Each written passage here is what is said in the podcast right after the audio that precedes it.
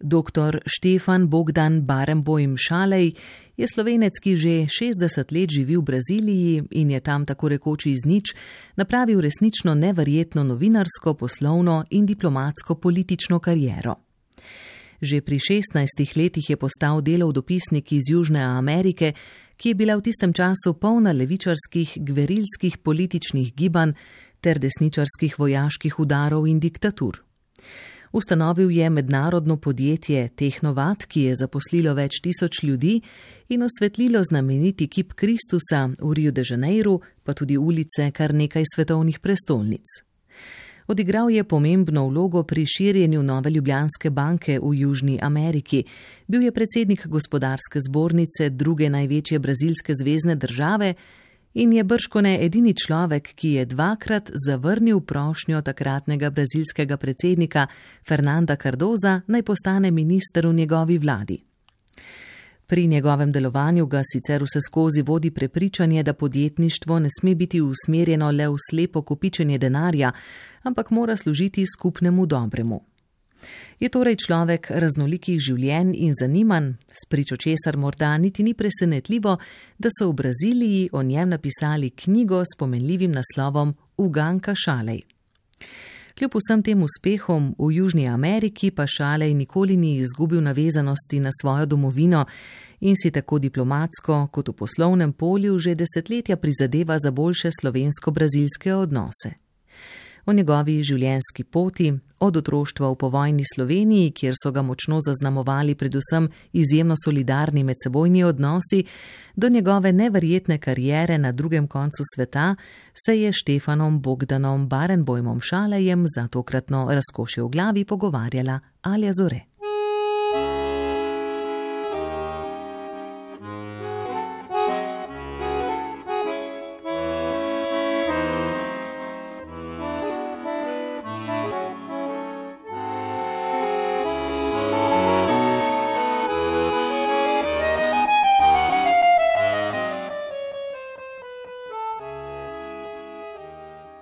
Rojen sem bil v Ljubljani 43 let, med vojno smo, jaz ne vem, ampak kako so prepovedovali, noče je tudi dobil potem od nemške vlade povračilo za čas, ki ga je preživel po nemških zaporih, pa logorih. Ne.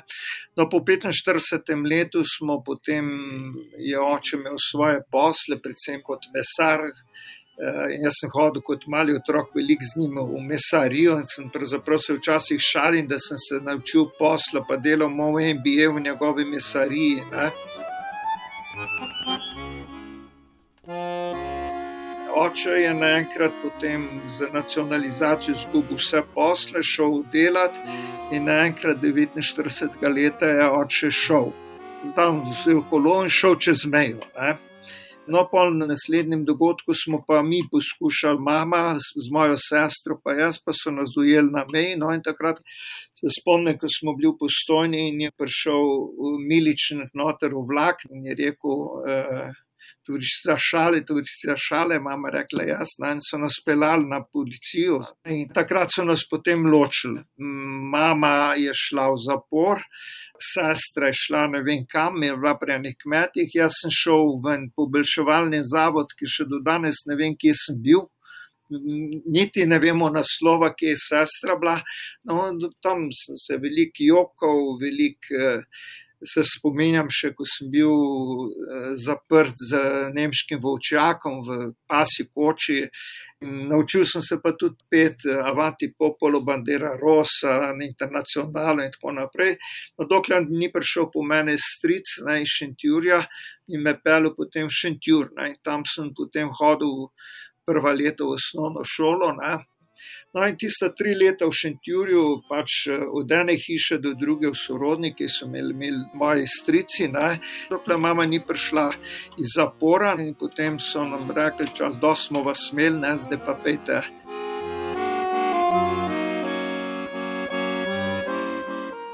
Potem smo pa odšli v celje, mama dobila eh, službo na železnici kot čistilka.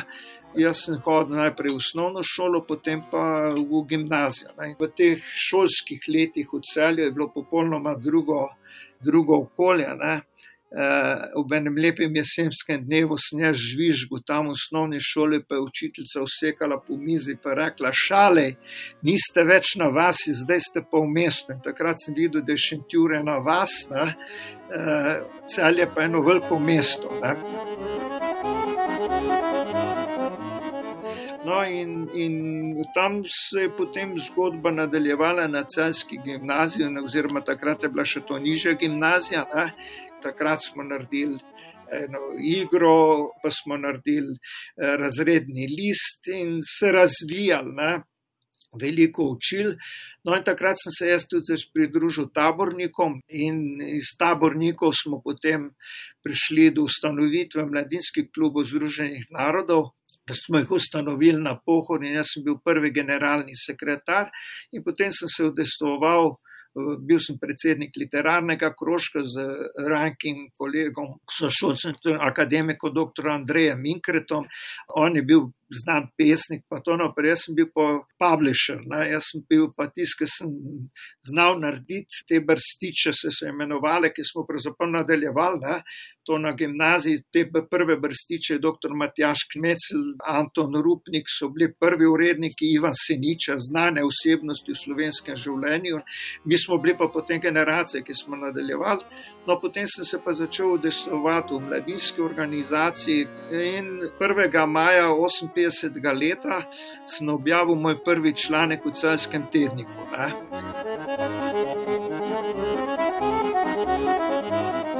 No, in potem sem začel pisati, pisati, pisati. Uh, pisal sem za večer, za celski tednik, za komunista uh, in tako naprej. Tako da sem imel že, da sem praktično uh, smo si življenje že uredili z barake, ki smo živeli v Savinji in ki nas je zadela velika poplava, smo že šli v stanovanje.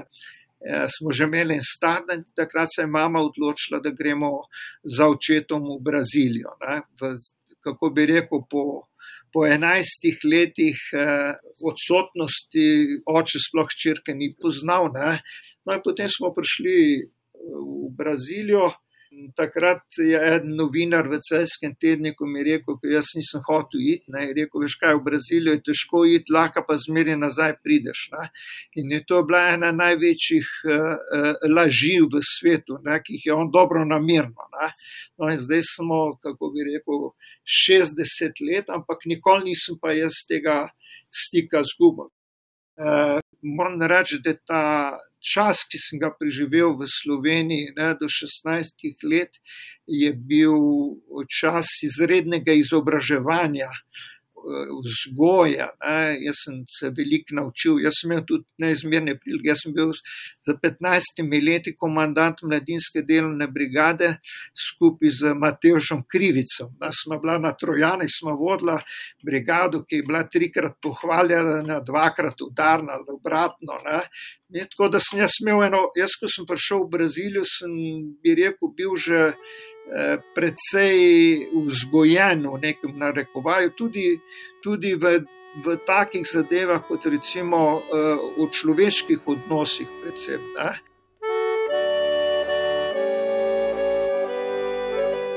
Celska gimnazija, moj profesor, jaz nisem bil nikoli diskriminiran zaradi tega, ker je bila mama politična zapornica, ne, ker je bil oče tako imenovan politični emigrant. Čeprav ta zgodba potem, zakaj, sta, zakaj je oče odšel, zakaj je bila mama zaprta, smo potem v samostojni Sloveniji so vse sodbe bile eh, preklicane, tako da moji starši niso bili nikoli upeljani v nobene kriminalne, niti kriminalno-politične zadeve. Ampak recimo taka, taka eh, primerna. Eh, z enim sošolcem, Frančkom Šušom, smo imeli rada kemijo in smo pri njemu v kleti delala poskuse in seveda je smo razstrelila tisto klet, ne? pa smo se na smrt skregali, kdo je bil kriv. Ne? In Franček je bil, oče njegov je bil pa zobozdravnik ne? in mi pri nas pa nismo imeli enostavno nad za jest. Mi smo, mi smo bili lačni, mi dva sestra smo kradla premog, ne? E, da smo imeli premog za kurjenje, kradla. Na sestra, ki je bila majhna, je zlezla na vagone, pa mi metala premog. E, e, tako da, da in je Franček vsak dan mi prinesel e, sendvič, ker je vedel, da pri nas doma nekaj za jesti. In tudi, ko smo se skregali, sedela v klopi, ni spregovoril besede z menoj, ampak sendvič mi pa zmeri prinesel.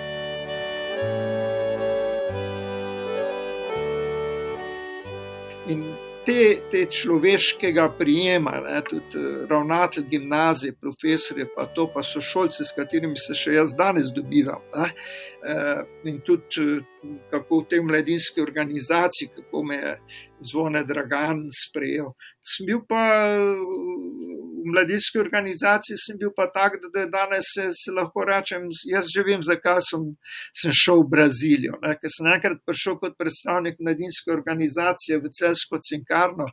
Da se stane partijske celice, ne, pa so se tam, kaj je, pa te cinkarna grejo v šup ne bo delala, pa cinkarna, pa sem se jaz oglasil in rekel, cinkarna je taka, kot je partijska organizacija. Če je partijska organizacija za nič, potem je tudi cinkarna za nič. In sem imel to 15 let, da sem bil star. Da. Najbrž z takimi idejami jaz ne bi dolg časa preživel v, v Sloveniji, ne, ne vem, kaj bi se z mano zgodilo. No, ampak jaz nikoli nisem zgubil nisem nikoli izgubil stikov z Slovenijo, ne, z, mislim, ne samo to zavednost v Sloveniji. Ne, jaz sem potem tudi redno pisal za delo, eh, do, do praktično do leta 76, in, bile, eh, in je bila to neizmerna šola. Ne.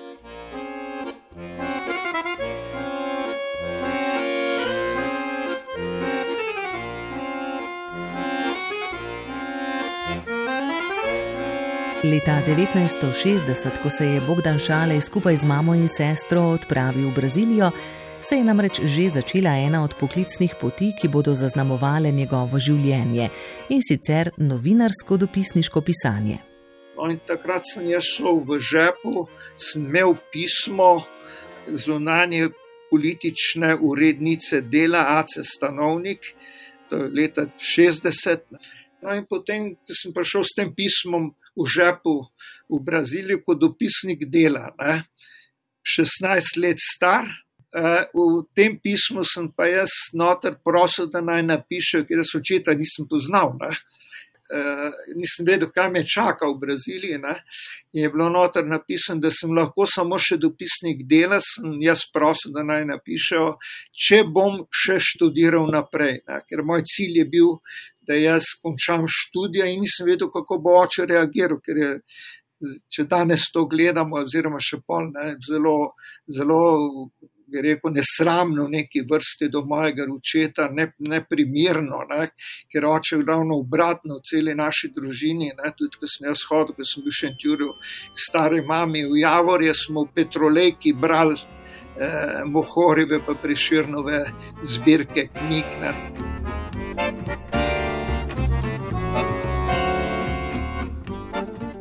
zunanje politično uredništvo dela z Andrejem Novakom, eh, z Janezom Staničem in ostalim, Miran Šuštar ne, in tako naprej. To je bila res visoko kvalitetna.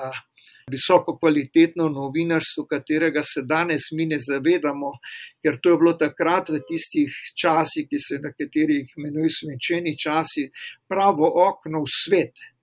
Eh, slovenski bralec, slovenc, slovenka sta imela, eh, kako bi rekel, dostop do sveta za to dopisniško mrežo.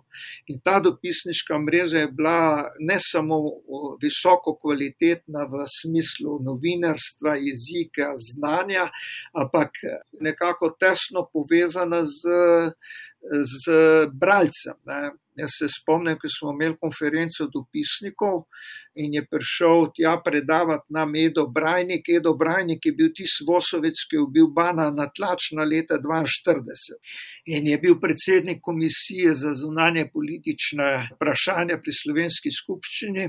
In tesno povezan z, bi rekel, z varnostnimi službami, še zmeraj. Glavni urednik dela je bil pa je mlad fant Mitja Gorjub, ki je potem nekaj let kasneje umrl, imel srčno kap, ki je prinesel popolnoma nov veter v delo. Ne?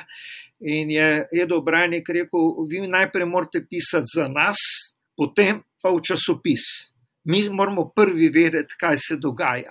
Vi ste naše tipalke v svetu.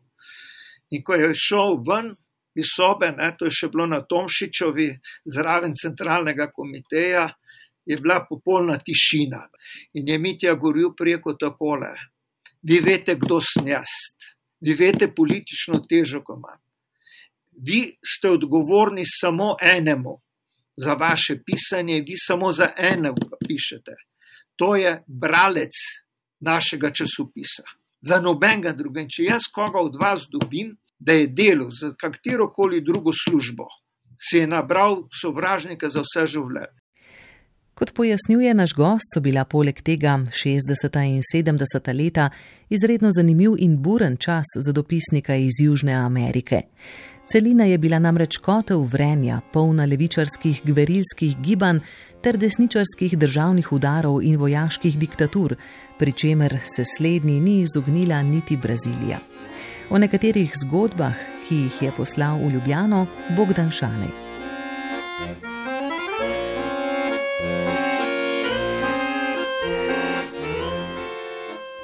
Potem jaz sem tudi imel intervju eh, z eh, Marijo Firminičem, ki je bil vodja Montoneros. Po noči so me pelali tam z očmi zavezanimi, da sem ga v Argentini, in z Andres Seličem, ki je bil Če Guevara v Boliviji ne, ki je bil hrvaškega pokolenja. Tako, ampak največja zgodba z mojih novinarskih časov je bila, pa, ko sem napisal, ko je prišla, so si v Beogradu v privredni komori Jugoslavije, to je Zvezdna gospodarska zbornica, ki je bila tata mata, bi tako rekel, so si izmislili eno ladjo in hodili po Južni Ameriki s tisto ladjo, prodali jugoslovanske proizvode, pa tako naprej. Ne.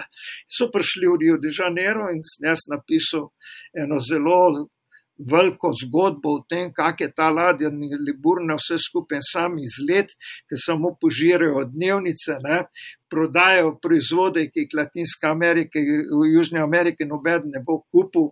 Ne, recimo, takrat so z veliko propagando delali za kondomne risi Zagreba, ne, ki to so strogo v letih 70 katoliške države Latinske Amerike, je bilo prepovedano kakršno koli spolno občevanje eh, eh, oziroma pa take stvari. Ne. In sem jaz to napisal in je delo to objavljeno na dveh straneh. Ne. No, in potem je, je nadobudni slovenski so se začeli za prvi vetrovi liberalizma v Jugoslaviji, sploh v Sloveniji. In nadobudni slovenski poslanec tistim člankom vihtel v Zvezdni skupščini v Beogradu, kak Beograd dela neumnosti, kaj vse skupaj in to nastavljen velik škandal. Ne.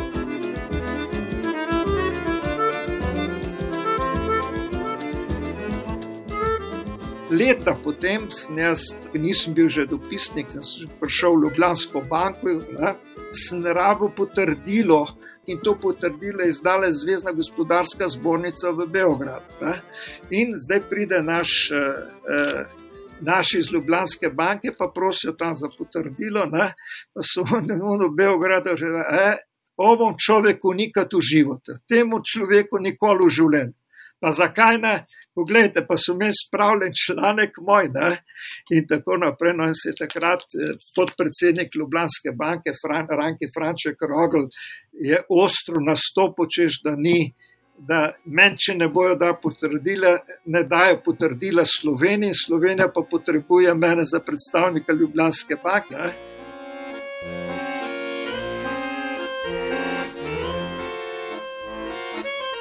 No, jaz sem tudi doživljal ne, kot novinar. Zdaj, recimo, tle, tle so v Braziliji takrat eh, je bila to vojaška diktatura in seveda eh, dopisnik eh, ene socialistične države eh, je bil strogo pod nadzorom. Ne. In eh, smo šli novinarji obiskati tukaj komando armije v St. Pavlu, kljub dopisnikov. Ne? In v tem, teh prostorih so vojaki vojska mučila Vladimirja Hercoga, novinarja brazilskega, ki je bil rojen v Črni Gori, žit kot jaz. Ne? In jaz šel mal tako, da bi rekel, za srcem strahu, tist, ne, on tam pravi, kako je to vse fantastično, ta vojaški režim in tako naprej. In naenkrat se oglasi tisti polkovnik, ki nas je vodil, pravi, kdo je pa od vas iz Jugoslavije. Ne? Jaz sem rekel, klint, zdaj pa pomen, zdaj, zdaj pa konc, zdaj pa jaz sem drugi Vladimir, novinar, žid iz Jugoslavije. Najprej Vladimir Hercog, zdaj pa še jaz. Zraven mene je bil na ameriški novinar za sušireti, pred res me je porivo roko, ne, Bruce Handler, ne, da, da jaz dvignem. Ne, sem rekel, jaz, ja, je rekel, čestitam, danes je pa vaš rojsten dan. Ne. Sem rekel, hvala lepa. Ne. Sem rekel, kako pa to veste. Je rekel, mi v vas vse vemo. Ne. Te so bili zanimivi časi, ampak sem potem, seveda, v določenem trenutku prišlo tudi, da, se, da, da je to bilo, rečem, predolg čas, je bilo treba menjati. Ne? In takrat sem jaz potem z, z pomočjo zvonata Dragana, mojega prijatelja iz celja, ne? ki smo bili skupaj, me predstavil Ljubljansko banko, ki je odpirala svoje predstavništvo.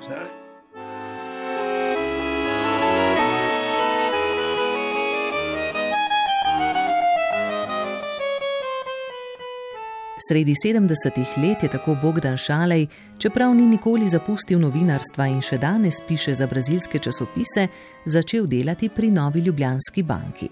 Jaz sem imel potem nekako taka paralelna življenja, bi rekel. V Ljubljanski banki eh, me tudi eh, niso na začetku hoteli, ker so mislili, da me je zvone dragam postavil ne, za špiona, noter. ampak potem sem se znašel in so, so me sprejeli ne, in je bila to izredno kvalitetna šola. Ne, čute, eh, danes v slovenski moderni zgodovini se popolnoma pozablja oziroma se namirno postavlja ob stran, kako pomembno je bilo to, da smo imeli mi pred osamosvojitvijo eno kvalitetno mednarodno banko ne, z svojimi predstavništvi, ki so ne samo bila povezana v denarne tokove, ampak primer, recimo v, v Južni Ameriki, kjer sem jaz bil odgovoren, ne, smo imeli eh, preko 400 milijonov plačilnega prometa. Eh, recimo za Slovence v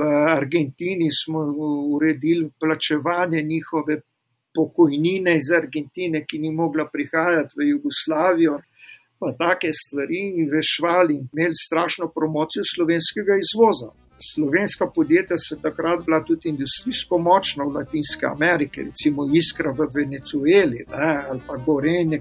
Če te vi ste prišli v Karakas, je bilo v vseh stavah plakati, napisi Iskra, ne, telefonske aparati in tako naprej. Ne.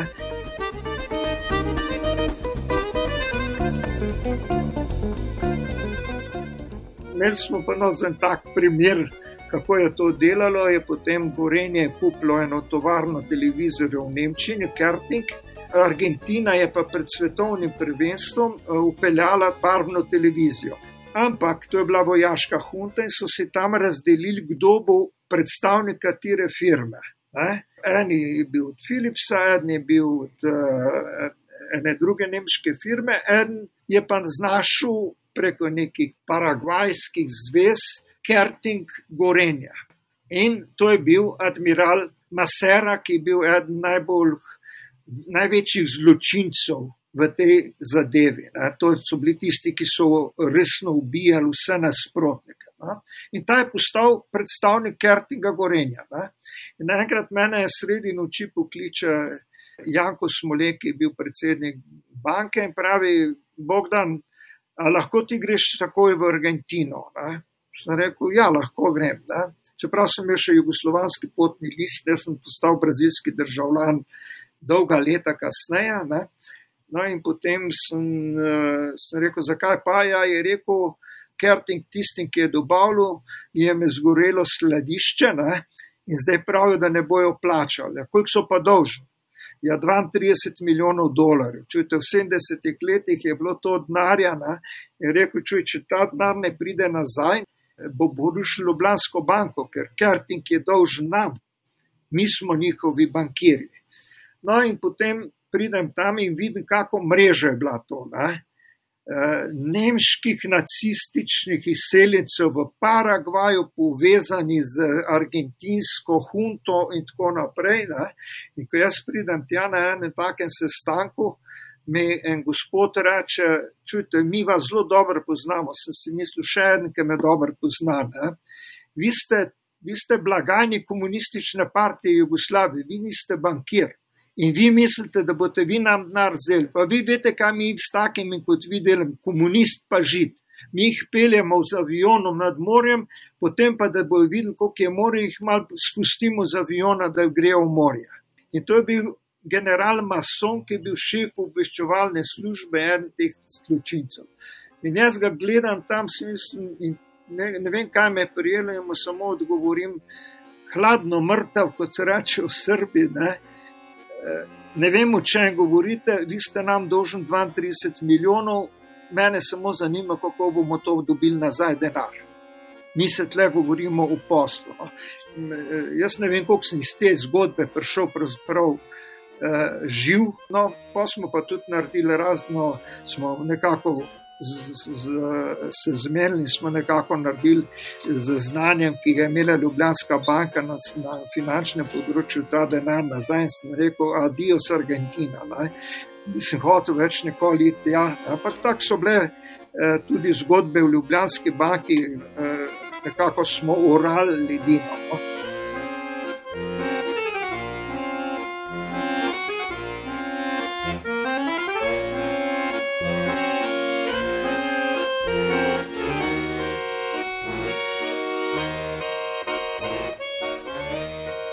Če se je naš gost tako po dobrih 15 letih novinarskega dopisništva sredi 70 let podal v nič manj dogodkov polno delovanje pri Novi Ljubljanski banki, pa to predstavlja le del njegovega življenja v prvih desetletjih potem, ko se je priselil v Brazilijo.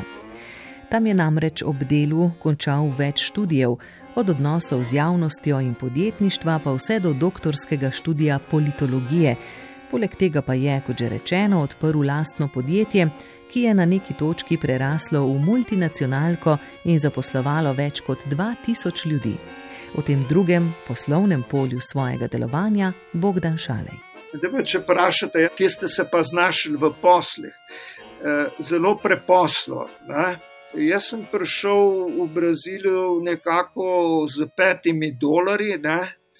tri dolarje so mi med tem na prvem postaku v Braziliji sem jih izgubil, so me že nabrisali, ne, tako da sem hitro spoznal, da moram biti previden. Sem kupil dve pomaranče leta 60 za mamo, pa za sestro, mi smo z ladjo prišli. Ne. Vsaka pomaranča je takrat stala en dolar, ne, ker ni bilo drubiža, ne, pa za pas, da smo kovček eh, lahko zavezali. Ne.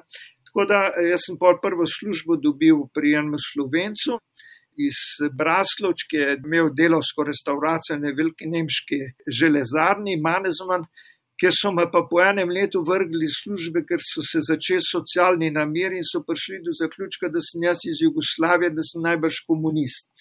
Eh, no, potem sem naprej študiral, potem pa edino službo, ki sem jo dobil, ne, ker za delo sem delal honorarno, je bil kot trgovski potnik kot trgovski potnik sem pa lahko prodajal samo pri enem Poljaku in to mi je pomagal en slovenc, tudi inženir Janez Ložar, da sem delal tisto, kar Brazilci niso hoteli prodajati. In to so bili merilni inštrumenti. Ne?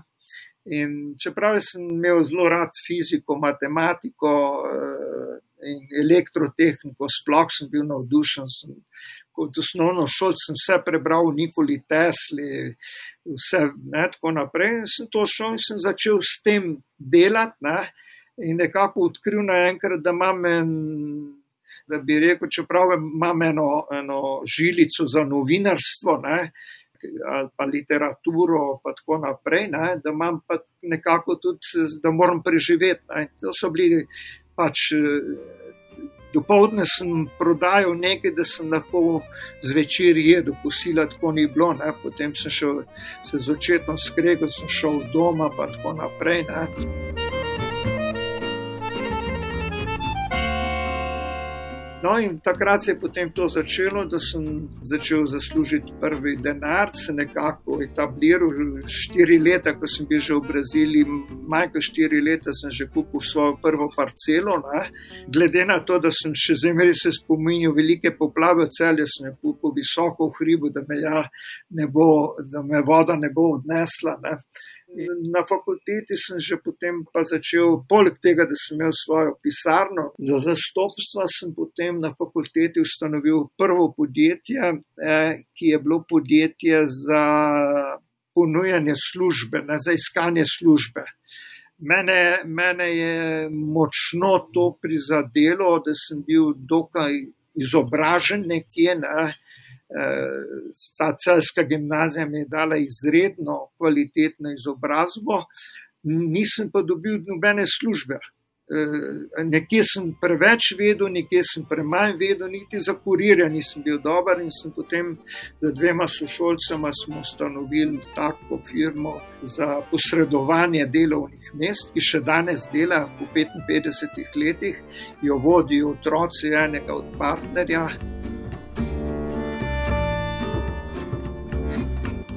No, potem sem pa jaz nekako mi v glavo padel nekaj čudnega. Ne? Jaz sem služil denar v transakcijah, pa se mi je to zdelo zelo neumno. Ne? Tle nekaj vzameš za 10, prodaš za 15, pa si spet zaslužil, pa ni nič, nič nisi naredil, ne? nič za tabo ni ustalo.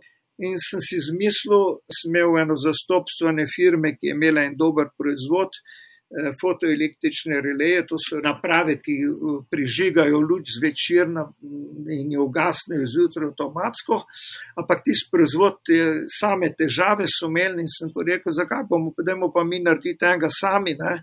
In se potem z enim sošolcem, pa še enim elektrotehnikom, sem se 1967 začel to podjetje teknovati.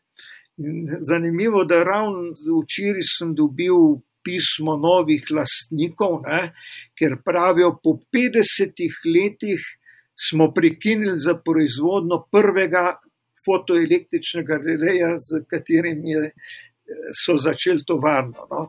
In takrat smo potem uh, to tovarno začeli, ne, in to je potem nastala multinacionalka. Ne.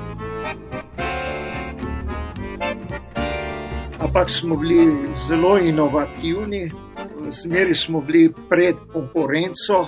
Kasneje smo se povezali tudi z, z General Electric, prodajali smo po celem svetu, od Abu Dhabija do razsvetljave, ki smo poznali znane Kristusovega kipa v Rio de Janeiro, do polovice Buenos Airesa, v Čile, imeli smo filijale po svetu. Pa, mi smo pa tudi na rečemo, bili smo eh, podjetje, ki ni bilo samo inovativno na področju. Podjetje, govorim o celi ekipi, mojih partnerjih. Eden od partnerjev je potem šel eh, v politiko, je bil minister, eh, poslanc, ne? drugi partner je bil univerzitetni profesor. Ampak bili smo tudi napredni v drugih zadevah. Recimo, enkrat sem srečal znano brazilsko novinarko, ko ni bilo več vojaškega režima, je rekla: Iskreno ti hvala. Sem rekel: Zakaj pa, kaj smo pa narobe naredili? Je rekla: Ne, pri tebi so delale dve nune. Sem rekel: Kako dve nune? Ja, dve nune, ki so jih vojaki preganjali, ki so bili v libičarskem delu crkve in so potem ste jih vi sprejeli kot delavke pri vas, da so se pri vas skrila. Jaz nisem niti tega vedel, ampak smo to delali popolnoma normalno, da smo ljudem dali za točišče. Če jaz gledam nazaj, vse teh 45 let tovarne, ki smo jo potem prodali, zato da se je nadaljevala, jaz gledam, kaj smo mi, pravzaprav smo se enkrat partnerji vsi pa naredili, kaj smo mi pravzaprav naredili v tej tovarni dobrega. Ok, da imamo proizvode, ki so trajali 50 let, da je naš proizvod na Plas de Voš v Parizu ali pa v Abu Dhabiju, v diplomatskih četrtih, smo so razsvetljavo naredili, ne? ali da smo se povezali z inštitutom Jožen Švefanom, z eh, Rajnkim profesorom dr. Blincem in dr. Janezem Piršom, ki so nam dali tehnologijo za fotocelice, smo bili tretji na svetu, ki smo imeli za to slovensko tehnologijo, vse to smo naredili. ampak mi smo predvsem najbolj ponosni na to, da prvi delavec, prvi naš delavec je delal pri nas, vsi trije njegovi otroci so končali fakulteto. Vsi naši bivši uslužbenci ne, so imeli boljše življenje, ali so si kupili hišo, so kupili avto, eh, so napredovali. Eh, mlad fant, ki je pri nas kot vajenc eh, začel, je končal kot direktor Fiat. In mislim, da, da to, to, ta čut povezanosti, neke socialne odgovornosti, ki je danes moderna, tudi nekje, da smo se tega držali in da je to bilo zelo, da je to, to bil najpomembnejši proizvod vsega našega dela.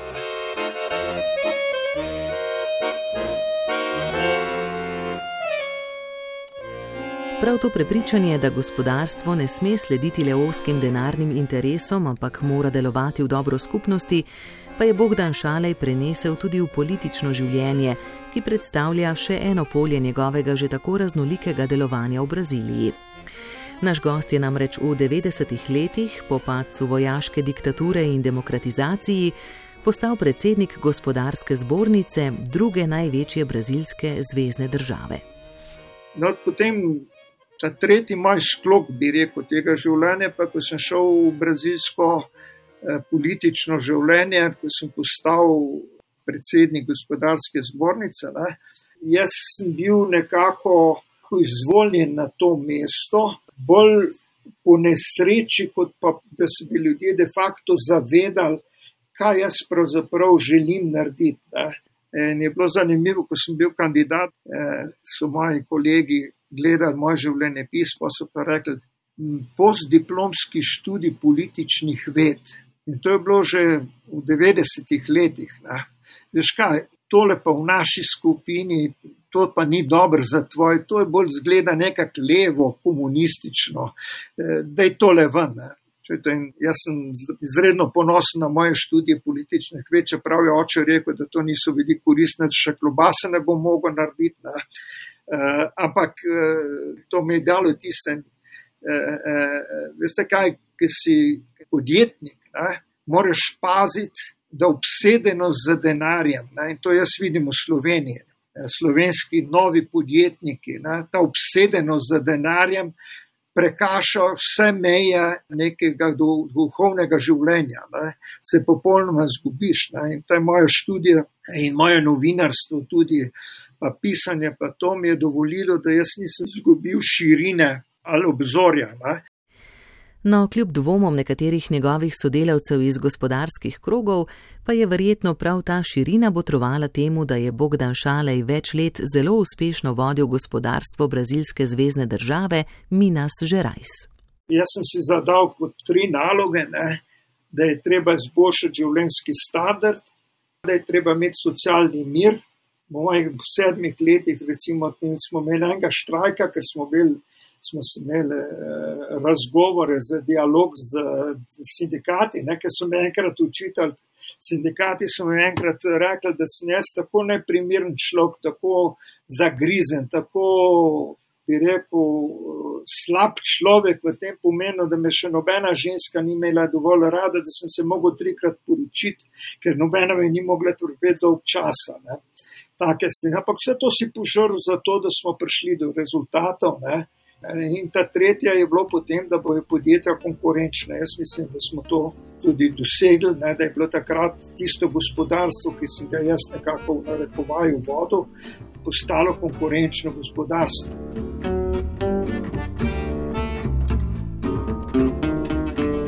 drugi strani je pa ta gospodarska eh, zveza, ta zbornica gospodarska, imela tudi uh, v svojem delokrogu tudi šole, ne, poklicno izobraževanje. Tako da jaz sem imel na tem področju poklicnega izobraževanja ne, uh, izredno priliko, da smo izboljšali kvaliteto poklicnega izobraževanja. Tukaj smo imeli tudi veliko pomoč uh, slovenskega poklicnega modela, ki danes ne obstoja več, ampak predvsem avstrijskega, izraelskega. No, potem pa tak drug primer sodelovanja smo pa imeli, ko sem se jaz znašel v enem precepu, kam naprej gospodarstvo te države. in smo potem z pomočjo bivšega predstavnika Ljubljanske banke Joško Vučemila v Latinski Ameriki in potem direktor Gorenja, ki me je predstavil eh, dr. Petru Kraljiču v McKinsey, smo naredili program vzpostavitve klasterjev grozdov v Braziliji ki jih niso premeli. Zakaj jaz to pripovedujem? Ker v vsem mojem življenju so te povezave slovenske bile. Jaz kjerkoli sem lahko potrkal na vrata slovencem ali slovenkam in sem bil vedno dovolj dobro sprejet. Ne? In so mi veliko tudi pomagali sami v Braziliji, no, in smo to naredili, ta grost, ne, zaprav, ki še danes zelo uspešna zadeva, ne, še danes to deluje. Te šole smo lansko, predlanskem praznovali 25. obletnico. Ne.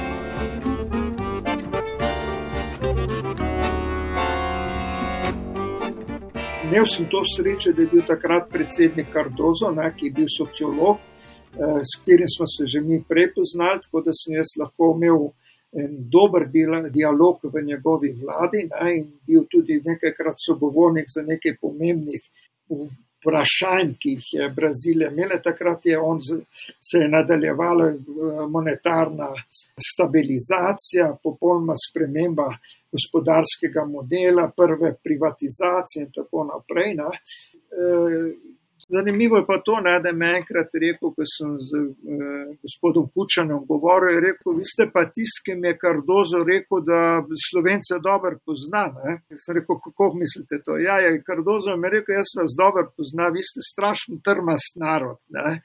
Kako trmast narod? Čujte, edin človek, ki mi je rekel, da noče biti minister v moji vladi po dveh, eh, po dveh povabilih, je bil en Slovenc. Ne. Boj, da sem bil jaz to. E, tako da, mislim, veste kaj, v politiki je tako, politika je tako kot vreme. Zdaj le pogledate, so oblaki taki, čez neki taki, take. Ne? E, jaz sem imel nekje zmeri čutim eno dožnost, e, tako do Slovenije kot do Brazilije, da nekaj naredim pozitivnega, ne? ker včasih ni težko, nisem pa nisem bil pa player v politiki, da bi rekel, da bi uh, te politične funkcije imel take, ki bi ne, ne delale pozitivnih rezultatov za ljudi. Ne.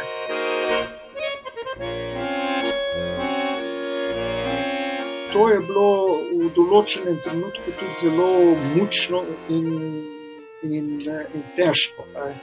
Nekje je bilo to premikati te kamne, družbenih sprememb, ne?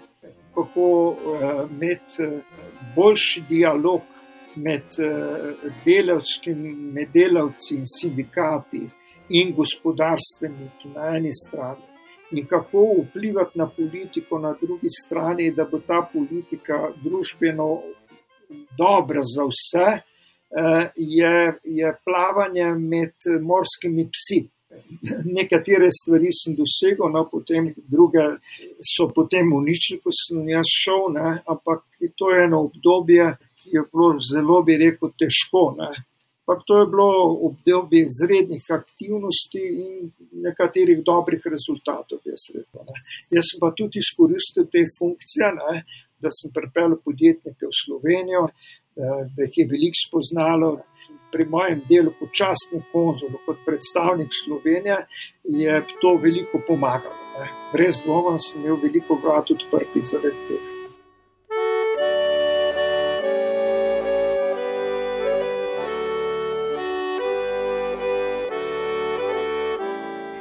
Bogdan Šalej, ki je bil prvi slovenski častni konzul v Braziliji, si je namreč skozi vse življenje in na najrazličnejših funkcijah močno prizadeval za slovenske interese. O osamosvajanju Slovenije se je pri brazilski vladi potegoval za priznanje naše samostojnosti. Nenehno je deloval za boljše poslovne povezave med državama, med predsedovanjem Slovenije Evropski uniji, pa je bil odgovoren celo za vrh med Evropsko unijo ter Latinsko Ameriko in Karibi. Še vedno izjemno aktivni šalej, pa je v preteklih letih ustanovil tudi slovensko poslovno globalno povezavo, organizacijo, ki si prizadeva povečati poslovanje med slovensko diasporo in našim gospodarstvom. Kot pojasnjuje, ga pri tem vodi razumevanje slovenstva, ki se je oblikovalo že v njegovi mladosti in je osnovano na solidarnosti in sodelovanju. Ena, eno, eno slovenstvo, ki ga danes tudi v tem Sloveniji Global Business Network, v tej slovenski globalni poslovni povezavi držimo, ne, eh, kaj so vrednote slovenstva. Ne. Te so se mene zelo držale, se me še držijo in jih poskušam, kot se v hebrejščini reče, ledor v dor, prenašati iz generacije v generacijo. Za mene je to izredno, izredno pomembno. Slovenci smo dobri ljudje, ne? Slovenci smo pridni, In ravno ta slovenska globalna povezava, ki jo zdaj delujemo z gospodarstveniki po svetu slovenskega rodu, kaže na to, da smo, nismo volk volku. Moramo se tega volkovstva rešiti in biti eh, v, v srcu, duši in dejanjih solidarni, uh, imeti odprto srce. Mi tudi rečemo, slovenc, slovenc je prijatelj, je partner. Ne?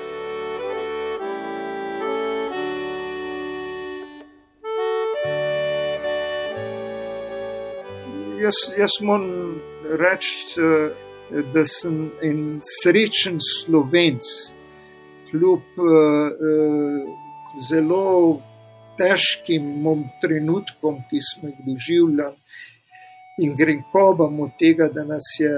Da je mama, sestro, pa mene izdala očetova sestrična, ne? po drugi strani so pa mi sorodniki sprejeli pa težkim razmeram, tudi v Braziliji, čujte, izseljenstvo je nekaj zelo grenkega. Ne.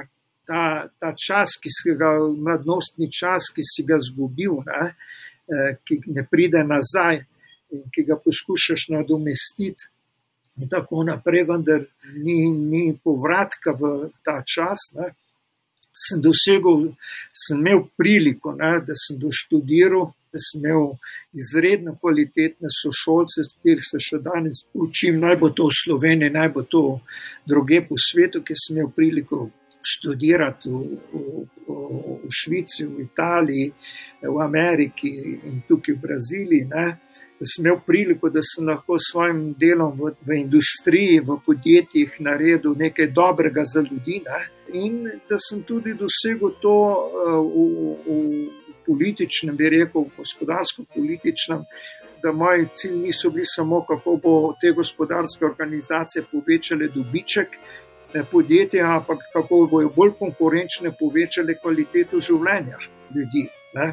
To je pri meni zelo prisotno, po drugi strani pa čujete priliko, da sem postil predstavnik Ljubljanske banke v njenih zlatih časih, bi rekel, eh, z eno izredno kvalitetno ekipo ljudi, vodstvenimi kadri, pa da sem pa že nekako na koncu tudi bil lahko profesor na inštitutu Jože Štefan po diplomski šoli, da sem bil posebni odposlanc za Latinsko Ameriko v času slovenskega predsedovanja, ker sem v NZZ z takratnim ministrom Ruplom plačal vse moje grehe, ampak sem nekaj ustvaril. Ne?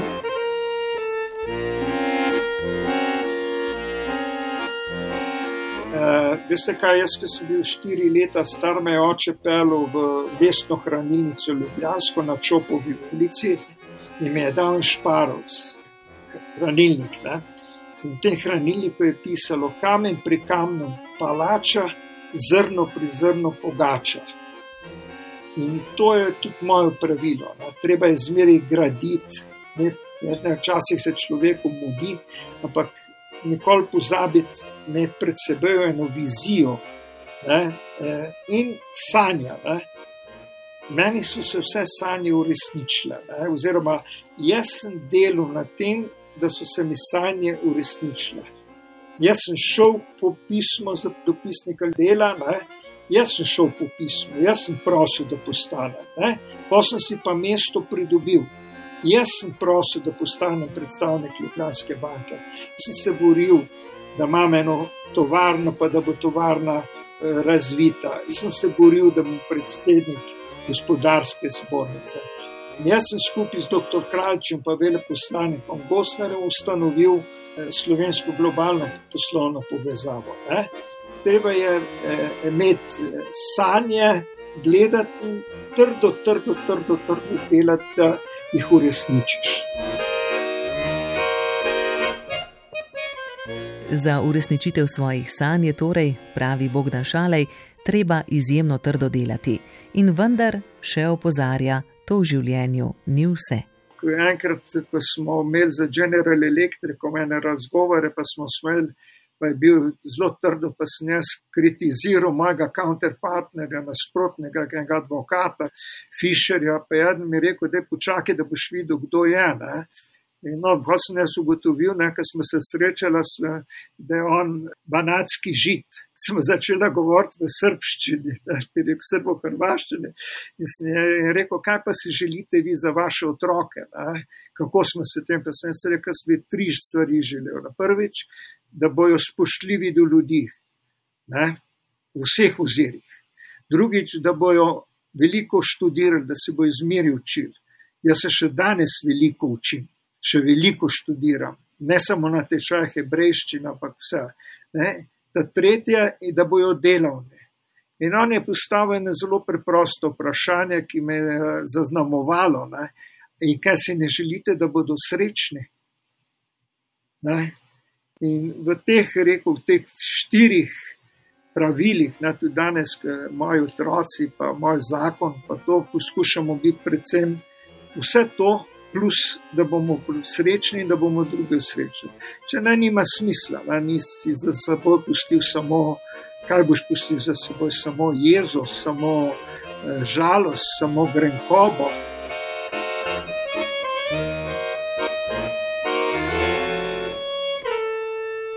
S tem smo prišli do konca tokratnega razkošja v glavi. Gost je bil podjetnik, novinar, politik, diplomat in profesor dr. Štefan Bogdan Barenbojem Šalej. Z njim se je pogovarjala Alja Zore. Glasbeno je oddajo opremil Rudi Pančur, zvočno jo je oblikoval Vladimir Jovanovič, vezno besedilo sem prebrala Mateja Perpar.